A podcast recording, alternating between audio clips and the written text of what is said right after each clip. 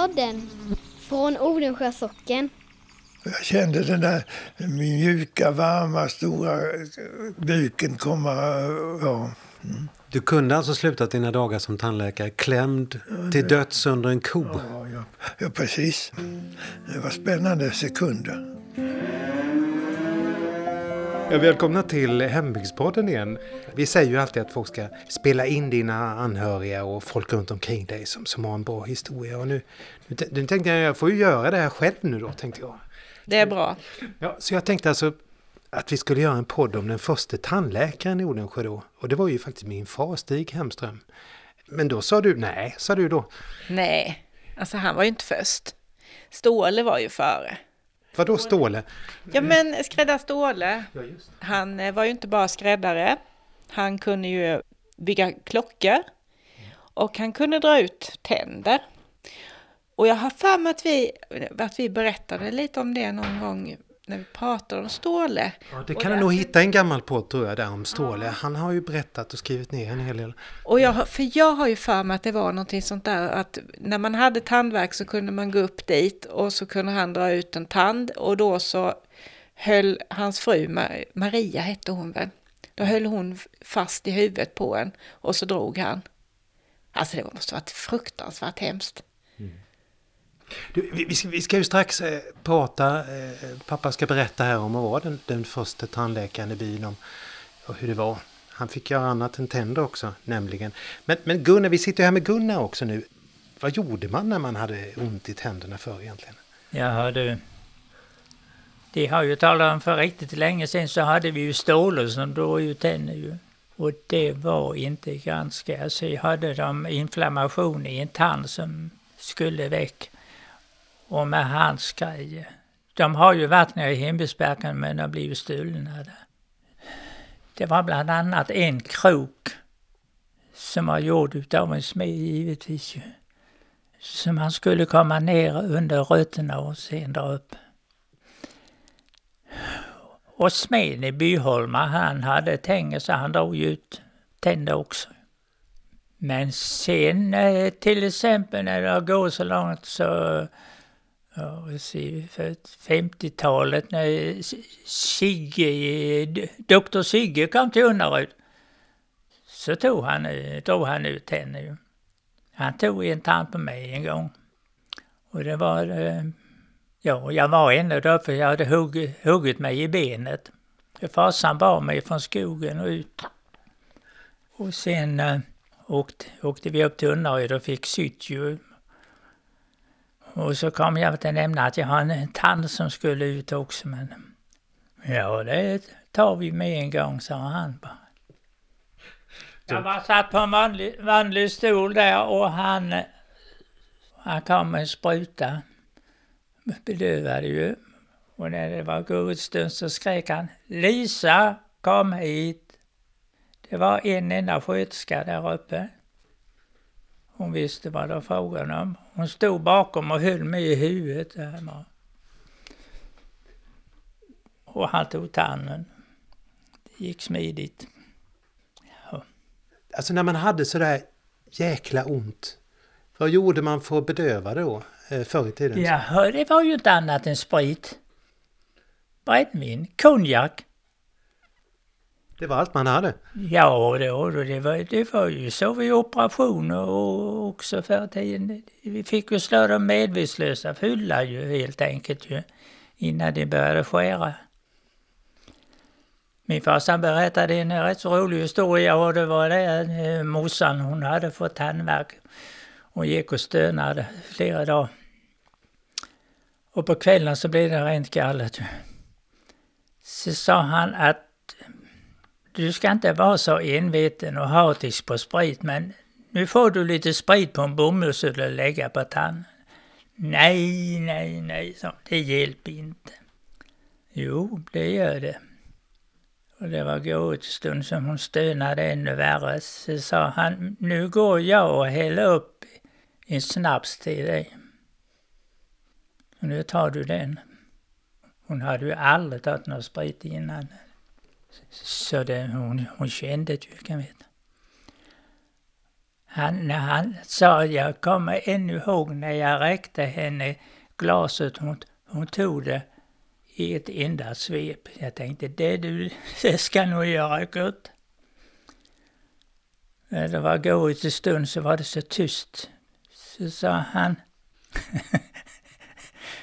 hur är det med verken? Har det hjälpt något? Mm, hon bara morrade lite.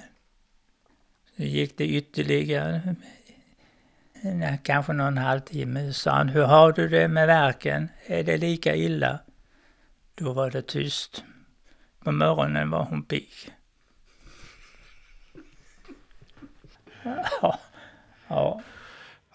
Efter den här sedesamma historien så ska vi nu alltså låta Stig Hemström i Odensjö, min pappa, som idag är 87 år gammal, berätta om hur det kom sig att det blev en tandläkare i Odensjö. Vi flyttar oss tillbaka sådär lite grann i tiden, till 1950.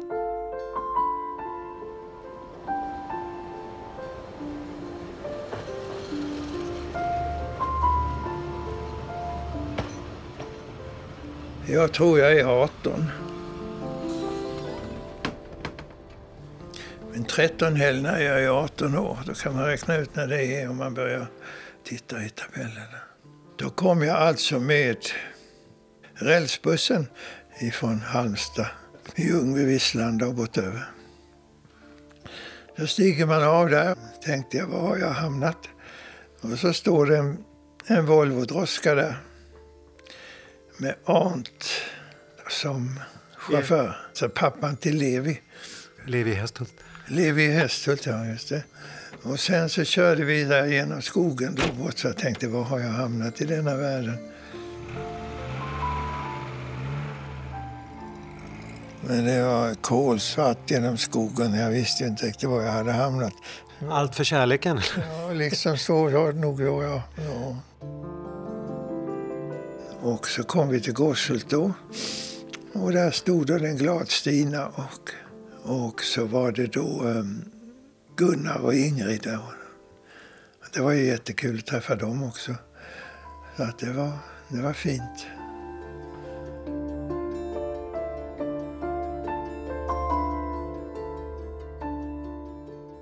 Din fru Stina Hemström, min mor, hennes eh, mor växte upp i Gosshult väldigt nära Odensjö här. Så, så så kopplingen ut till bygden här när du kom hit? Ja, ja just det. Är det så att jag, jag var inne, inne redan på en gång, höll jag på att säga. De visste, Gifte dig in i en släkthistoria? Ja, jag kan, de vis, visste vem jag var rätt fort faktiskt. Mm. Och så, Stina hade ju hade väldigt goda kontakter här och man tyckte om att hon kom tillbaka också. Sen så åkte vi ut till Odensjö lite då och då, åtminstone till Gårdshult.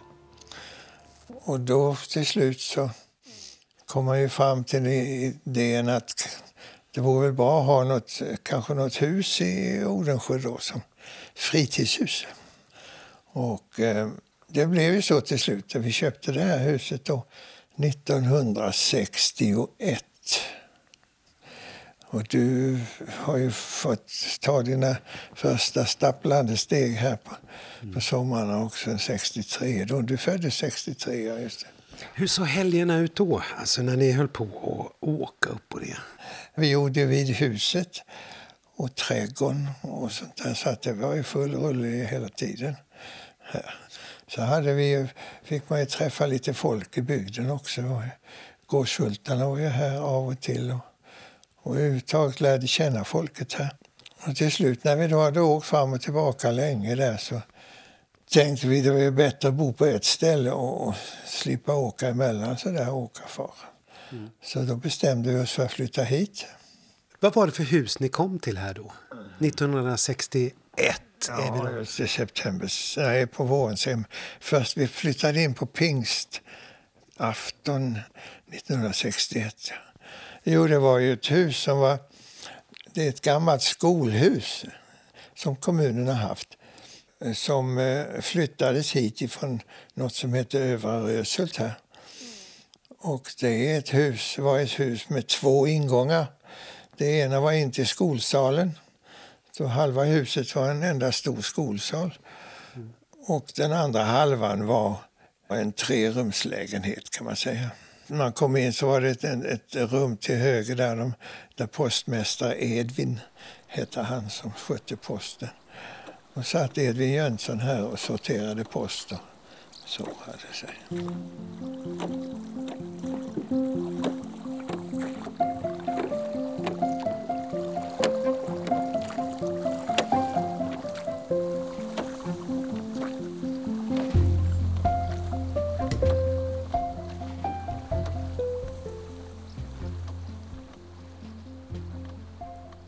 Ja, det var innan, det var strax när vi hade flyttat hit då, 61. Ja. Så kom det en, en man roende och var nära här ute på sjön vid stranden fram och tillbaka så. Där, så. så jag undrade vad det var för någon och så, så var jag väl nere och hejade på honom där och han bara skrattade och sa att han ville bara hälsa eller något sånt där. Han var nyfiken på vem det var som hade kommit och så. Och det var väl bra att han var det. Tedde var det. Theodor Svensson.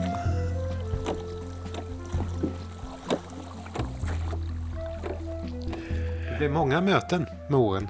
Ja, det blir det. Det blir ju det. Peter Gustav Adolf han var en ungkarl. En liten, liten rund människa, glad och pigg. Och 60-årsåldern kanske som bodde här i prästarrendatorns stuga här rätt över vägen. Där Andreas bor nu ja. ja och Bodil. Han var dagsverkare som han sa. Han kunde komma och göra ett dagsverk eller två eller flera om man ville ha hjälp då. Så att han var här rätt ofta då. Vi hade väldigt god kontakt och han hjälpte oss med handfasta saker då. Och så när han kom ner, Stina var ensam här när han kom ner och knackade på dörren och sa Oh, Stina, hur kan du våga bo ensam här? sa han. Så han var inte så upprörd över det. Du hade lämnat henne ensam? Ja, just det. Och, och så var det sig inte bättre än att han fick en cancer, väl ja. Så vi hade honom med till Malmö. Han skulle behandlas där och så. så att då umgicks vi även på fritiden så att säga. Han bodde hos er alltså? Ja, han bodde hos oss då lite grann, ja. Mm. Hur var mötet med Malmö? Eh, ja, han var ju inte van vid stan precis, Peter Gustav Adolf.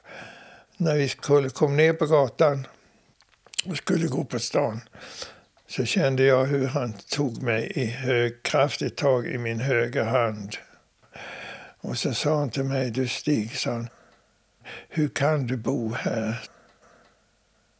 Så mycket trafik och grejer det är här. Så jag fick lugna honom då. Det var mycket vackert egentligen. Mm. Peter Gustav Adolf, han var trevlig. Han eh, dog ju så småningom. Han låg i, i Lidhult på sista, sista vevan på mm. Björkäng. Ja.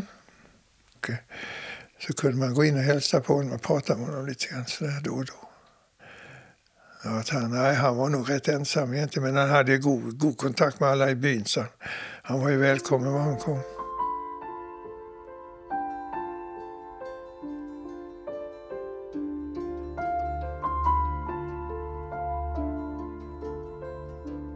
När vi ändå åkte emellan här rätt ofta så tänkte jag att det kan man lika bra jobba kanske lite i Odensjö då också. också på sommaren och ha öppet. Så jag, jag ordnade med en, en tandläkarutrustning där. Till, jag kom över en begagnad sådan.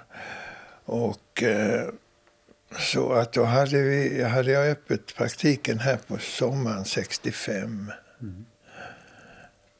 Och, Hur gick det då? Du öppnade en praktik i gamla kommunalsalen här. Vad hände?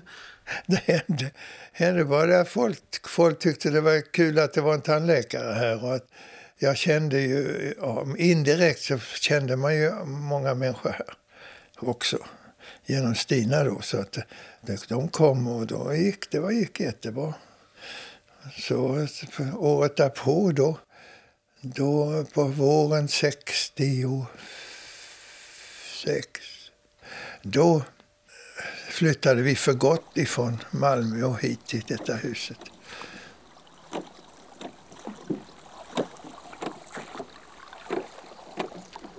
Det stod i tandläkarstolen så att man satt mitt för fönstret och tittade ut över Bolmen där. Och det var ju många som tyckte det var fint. Va, vad sa folk när du, när du sa jag tänker öppna en tandläkarpraktik i Odensjö? Alltså, de nere i Malmö kanske funderade mer då än vad de... Är han galen? Han ut på land. Men här var de, fick ju alltid positivt mottagande. Jag började ju på noll här. Och när jag slutade sen i praktiken här, då, då var det väl 1500-2000 människor hade varit här.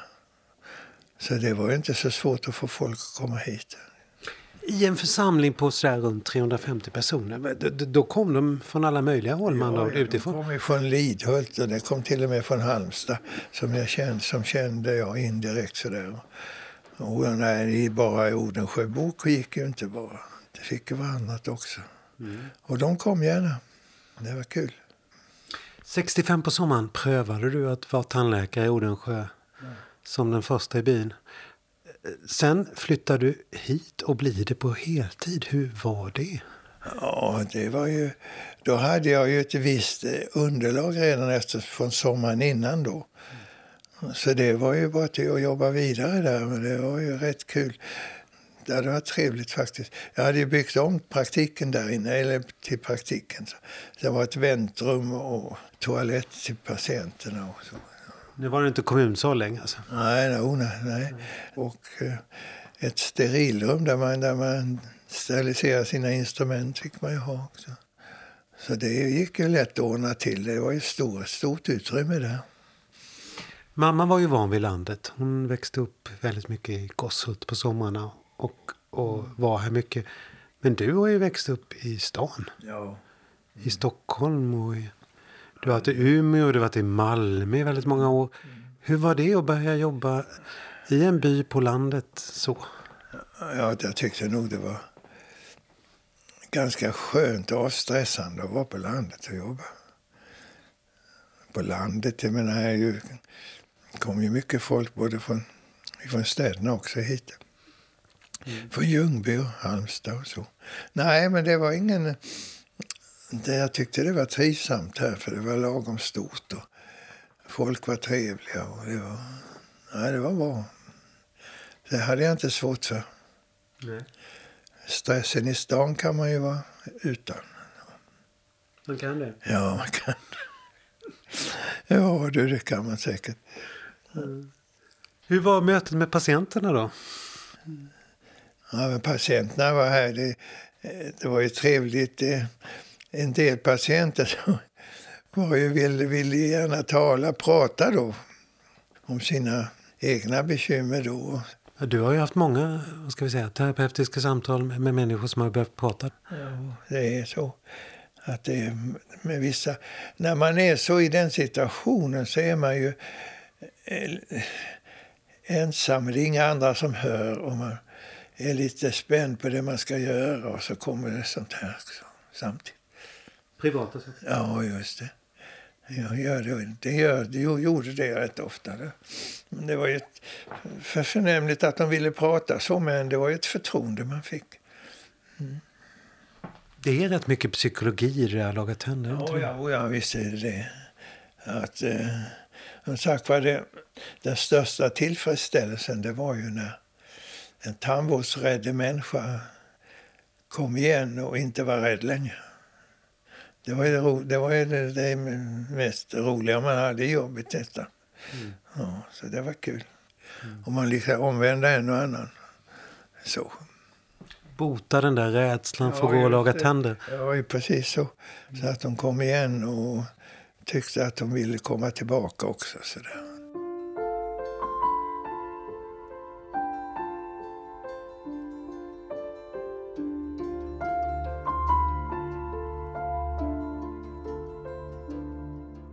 Först hade du praktiken här nere i, i det gamla kommunhuset, posthuset i Odensjö. Sen blev det prästgården då, helt plötsligt. Hur kommer detta sig nu då? I slutet av 60-talet så blev prästgården till salu därför att man hade gjort en sammanslagning av pastoratet här till. Så det var ingen präst här längre stationerad. Då tyckte man att man ville göra sig av med prästgården.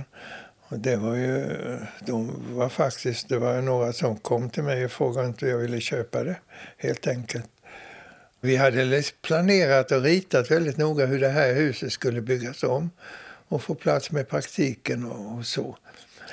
För att kunna bo här året om då. Men så hade vi då, fick vi då bud om att vi kunde köpa prästgården. Och då var vi lite förundrade över hur vi skulle göra då.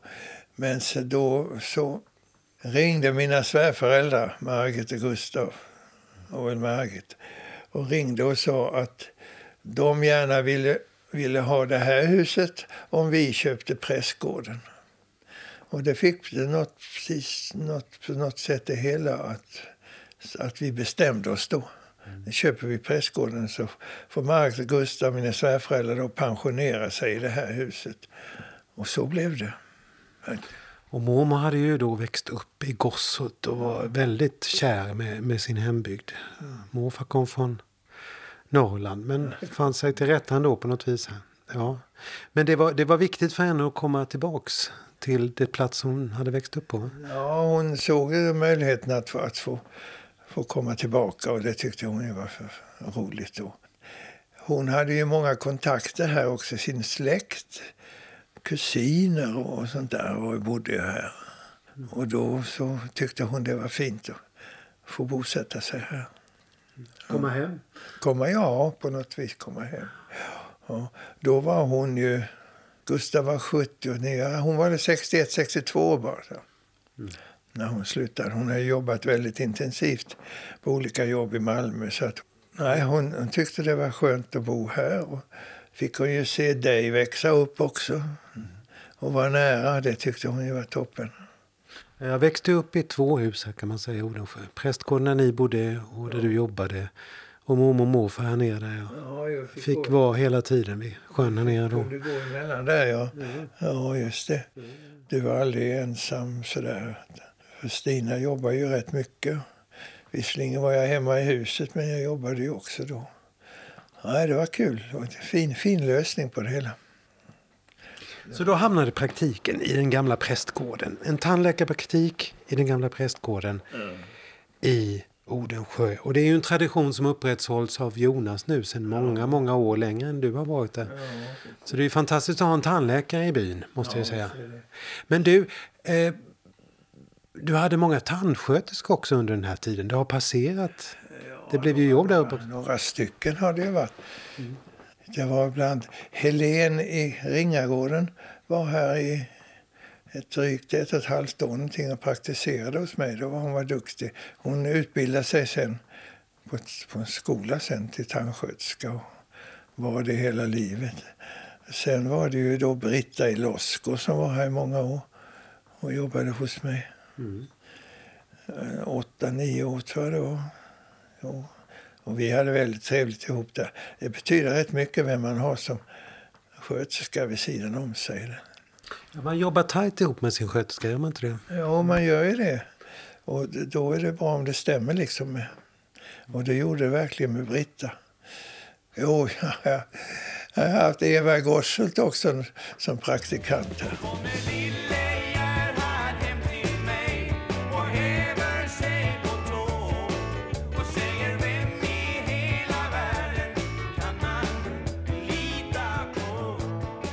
Då var hon ung? Då var hon ung, ja. Och det, hon var ju rätt rolig för hon var spontan också. Pratade med folk spontant. Ja. Det här var ju då under 70-talet. Det var väldigt politiskt och Eva var väldigt politisk. Ja, och sådär.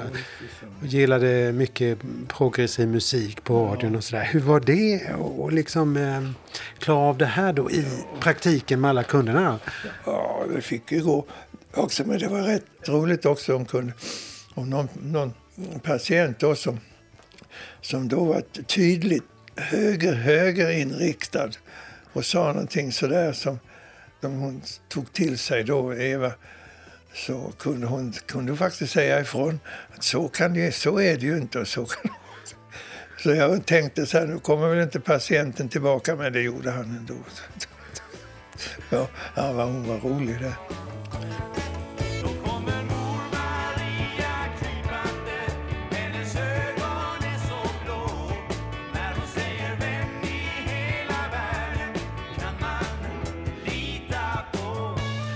Tyckte jag om musik och på den tiden var det var ju sån här proggmusik då. Hoola Bandoola och de här? Hoola Bandoola och sådana ja. Och de satte hon ju på.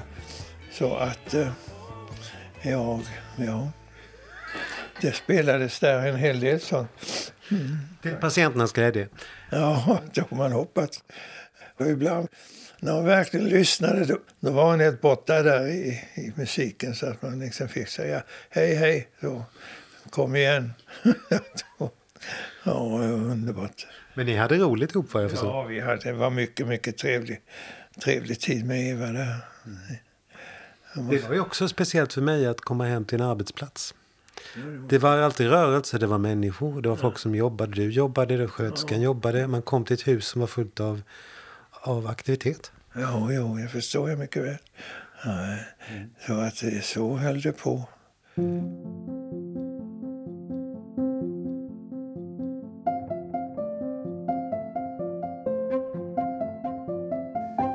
Jo, det kom, var en gång då kom, kom han som ägde fiskeriet på Tiraholm.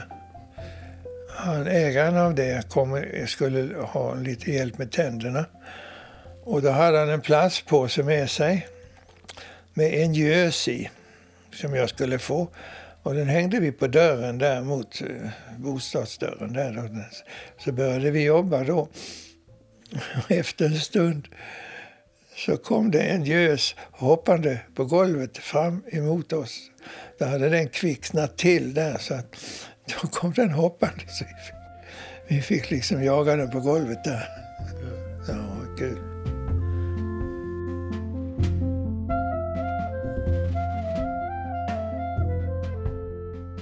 Men du, det där att dra gränsen mellan arbete och fritid var inte helt lätt. Nej, folk kom ju akut och hoppades att jag var hemma på tider som då inte praktiken var öppen. Men det var ju det var väl skojigt att kunna hjälpa någon, någon på det viset också. Jag har ju till och med upplevt en julafton klockan tio. När det kom en man och knackade på dörren här och, och sa att ja, min fru sitter i bilen och hon har sånt handverk. Vad ska vi göra? Och då sa jag det kan ju vara bra om vi ber henne komma in då först. Så prata med henne. Han var så förtvivlad och hon också.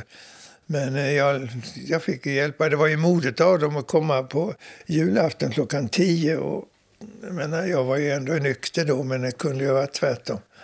Ja. Så att jag tog in den damen och hjälpte henne av med tandvärken då i alla fall. Så det är ju klart, det känns samtidigt, man känns ju bra att ha gjort en god gärning också. Det är inte bara besvär. Alltså.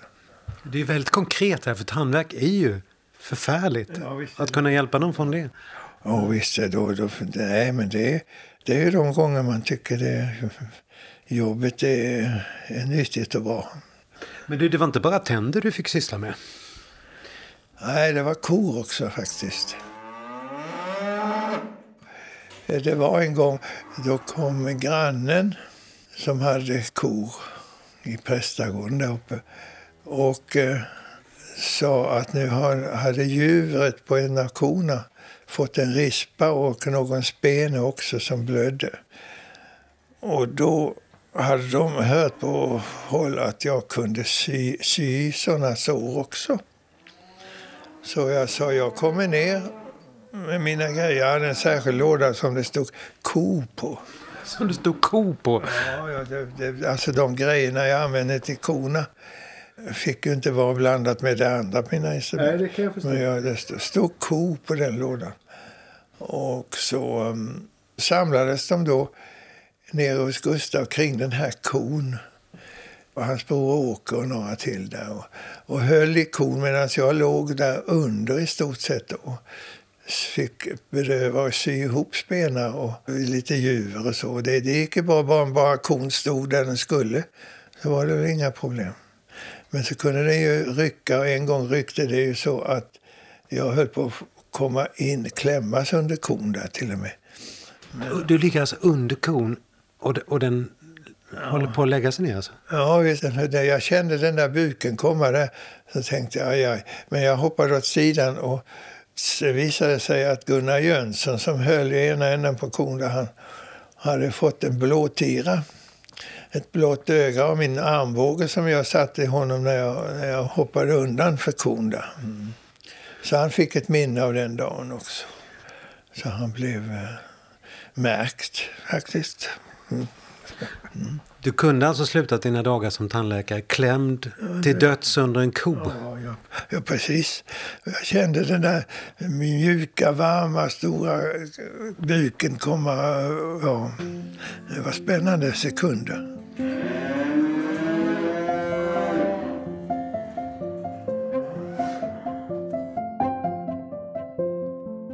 Faktiskt. Ja. Jag har ett minne av som barn att du kom hem också med, med ett stort klövavtryck ja, ja. mitt i bröstet. Mm. Jag blev sparkad alltså av en ko så jag åkte ut efter, det var uppe ute i Löckna jag var då. Man, när jag liksom skulle börja sy där så sparkade kon bakut så att jag fick då den sparken i bröstet och åkte iväg eh, ut efter lagårdsgången där. Så att det var sina, hade sina äventyr och fixa korna på det viset. Mm. Okej, okay, du var kodoktor då ibland också. Sen vet jag att du, du tog hand om djur också, andra djur. Mm. Och det kom två människor och bärande på en hund som i munnen hade ett fiskedrag som man hade hoppat och bitit efter. Då hade mannen som var invalidiserad på något vis, han satt i rullstol och var nere på kökbryggan då och skulle fiska. Då satt han i sin rullstol och kastade mitt Kasper. Då. Och då fick hunden fatt i draget där. Så det var lite bekymmersamt. Men eh, hur det än var så lyckades jag bedöva och greja med den så att jag fick ut den där. Den satt lite långt bak i tungryggen, den där vassa nålarna. Men eh, sen, det gick bra. Så att han blev lycklig att han fick sin hund befriad från detta. Men det låter ju jättestressigt att ha en hund som har drag i tungan. Det måste ju varit visst, svårt att få stilla inte. på honom. Jag visste inte riktigt. Det har jag aldrig gjort. Jag har aldrig varit nära något sånt. Så att eh, man fick använda lite sunt förnuft. Men han kunde ju inte ha draget kvar för det kunde, det kunde inte vara bra. Så det måste ut på något sätt. Och när man har sånt där fiskedrag så är ju en böjd krok med en hulling på längst ut så det går ju inte att dra ut dem heller så va, direkt. Utan då får man istället skjuta igenom nålen så att spetsen kommer fri. Och sen klipper man av den där hullingen och så kan man dra ut den sen enkelt. Ah, bakvägen? Så det, ja, just det. Så det ska man tänka på. Inte dra idag utan igenom och klipp och så ut med den. Så, mm. ja. så blev det.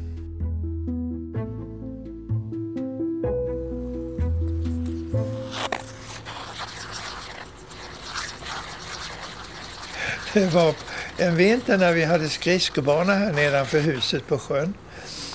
Så hände det sig att eh, vi skulle göra några fina piruetter och krumbukter där på isen. Det var alltså Anita, Stig Olsson och jag och några till som jag inte kommer ihåg riktigt vilka det var. Då skulle Stig Olsson stå bredbent. Och så skulle jag köra in mellan benen på honom då. Men det gick inte så bra för jag, jag fällde ju honom där och lyckades få honom i balans och själv också. Och jag stöp på huvudet och slog i, slog i eh, huvudet i isen så att ögonbrynet sprack. Ögonbrynet sprack? Ja, alltså den här där uppe, det åkte ner och då så här, delade på sig. Och åkte ner? Ja. Så att då vet jag att eh, det låter som en blodig historia. Den var blodig då, ja. Så fick jag ju försöka sy det själv då. hade till hjälp Anita Olsson som var med på isen också då. Och då så gick vi upp till praktiken och jag stod framför en spegel och försökte sy då på mig själv. Och det gick ju till slut, men det blev ju lite bakvänt när man gör på sig själv. Det blir tvärtom liksom. Rörelser. Och Anita assisterade mig där och så hade vi, blev det bra till slut. Jag syns ju nu. Har du fortfarande ett ärr där uppe? Ja, jag har det kvar, ja. Som minne, som minne av dagen.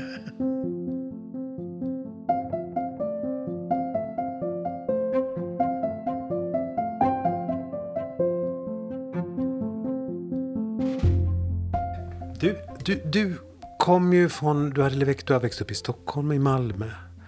Du har bott i Umeå också. Sen kom du hit till en liten by. Du är tandläkare. Du kommer till en by där nästan alla är bönder. Ja. På något sätt. Eller har någon, någon rot i det. Hur är det där att, att komma in i den gemenskapen då? Man kommer från ett helt annat håll. Tydligen. Jag har inget minne av att det var några svårigheter alls. Folk accepterade mig för den jag var. Så att det, var väl, det beror ju på hur man är själv också. Det hänger på det? Ja, det är klart. Ja, det. Ja, därför som jag menar, jag börjar tänka sån, eh, den mest eh, strama människa jag har mött här, det var Gösta Wennersten. Kom, första gången han kom till mig här, då kom de runt huset här och gick fram till mig och sa kommerserådet Wennersten. Och jag, var, jag visste inte vad jag skulle svara. Ja, ja, nej, jag har kunnat umgås med alla människor. Det märker du ju idag också. Det är inga, mm. inga problem med det. Du blev insläppt? Ja, ja, det kan jag säga. Ja. Men det var ju tack vare jag hade ju en bra inkörsport där med Stina också. Mm. Och Margit och så. Mm. Och Gustav Fallel hade varit i Gosshult rätt mycket också. Och de hade ju affär i Byholm. Och ja, det fanns en lång historia ja, på mammas sida. Så. Och så att jag, ja, nej, jag, har, jag har blivit väl, mot, väl mottagen kan jag säga. Mm. Ja, på alla sätt och vis. Och det kan man ju vara glad för.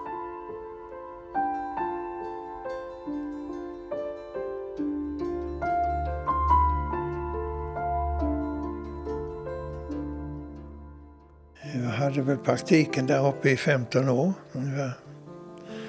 Så när jag vid 50 år så, så tyckte jag att det blev nog så att säga. Då var inte Margit och Gustav kvar heller. Då fick jag jobb på Folktandvården i Växjö. Och det var jättebra, lugnt och fint. Det var visst inte åtta, åtta tandläkare där, men ändå. Det var rätt trevligt. Så, att då, så där avslutade jag då sålde huset och praktiken här. Då. Men vi behöll ju det här huset hela tiden som vårt. Och Stina fick sluta jobba när hon var 60 på grund av hälsoskäl. Så att eh, de sista fem åren hade jag ett jobb i Lidhult på Folktandvården på halvtid. Man kunde ta något som hette delpension förr i tiden. Men det var väl för bra så det är borta nu. Men då fick man ju lite grann betalt för den tid man inte var där också faktiskt. Ja. Så kunde du ta hand om henne mer? Så kunde vi vara. Jag jobbade varannan vecka och så hade vi det bra här hemma sen då. Det var ett bra slut på karriären. Tycker jag. Mm. Men du, du har jobbat, förutom som tandläkare, väldigt mycket som lärare och utbildare i dina dagar? Skola, ja, jag har jobbat på på tandläkarskolorna. De tre åren i Umeå var jag lärare på skolan där. Och så var jag i Malmö också några år. På tandläkarskolan? Ja, just det. När jag flyttade ner igen sen.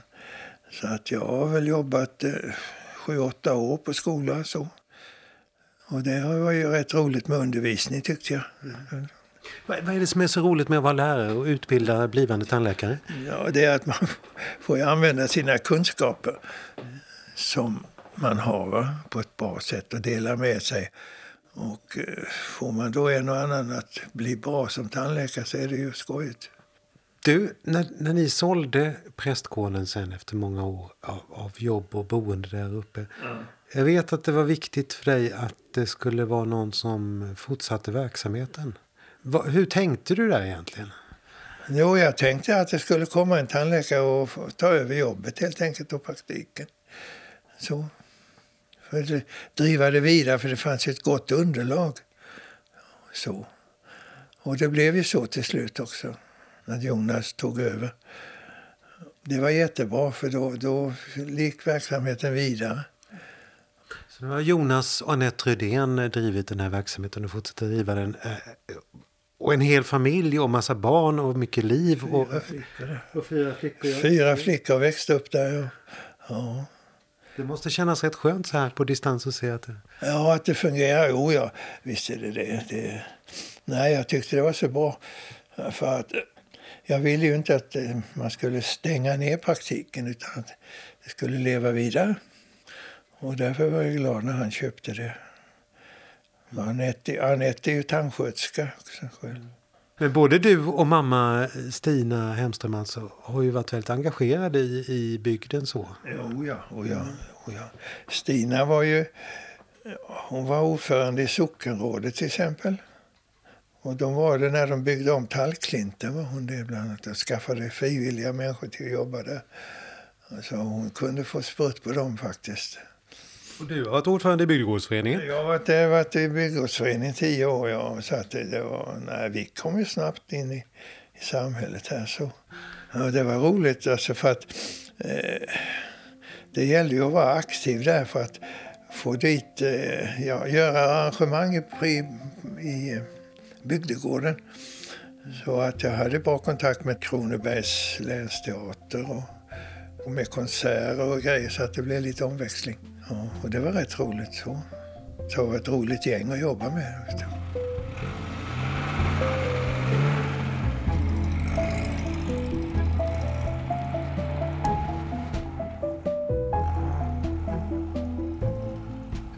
Det är ju ett litet elände att gå ut med dig på till exempel på marknad och sådär. För du får ju stanna hela tiden fortfarande nu. Det är ju under några år sedan nu. Ja, och det är många, många som, jag, som känner igen mig och jag kanske inte känner igen alla. Så att jag, jag hejar ju gärna då på folk. Det är likadant i Lidhult också. Så att det är, jag har fått bra kontakt med människor. De brukar visa sina tänder. Ja, det har hänt också. De lyfter på överläppen och säger Där, den tanden satte du fast och den sitter kvar fortfarande. Och då gratulerar jag dem och säger får jag önska lycka till.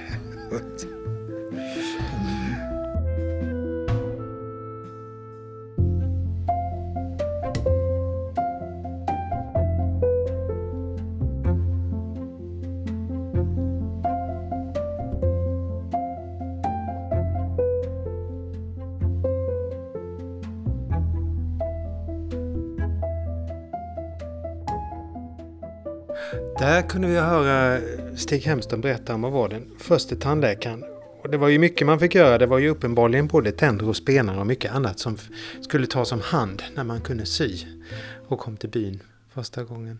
Men du, det här med verk, det är ju något som återkommer. Gunnar pratar ju om det här också, men eh, det finns andra sätt att ta hand om verk också vet jag. Du har läst på. Jenny. Ja, alltså här, jag hittade ju någon sån här liten uppteckning igen och det var ju om hur man gjorde sig av med tandvärk. Eh, och då kunde man sätta bort tandvärken i ett träd och helst skulle det vara en ek. Sätta bort den i ett träd. Ja, precis. Och då skulle man göra så att man fläkte upp barken och så skar man ut en liten flisa av veden i trädet. Och den petade man sen i den onda tanden så att det blödde och blev riktigt sådär gojsigt.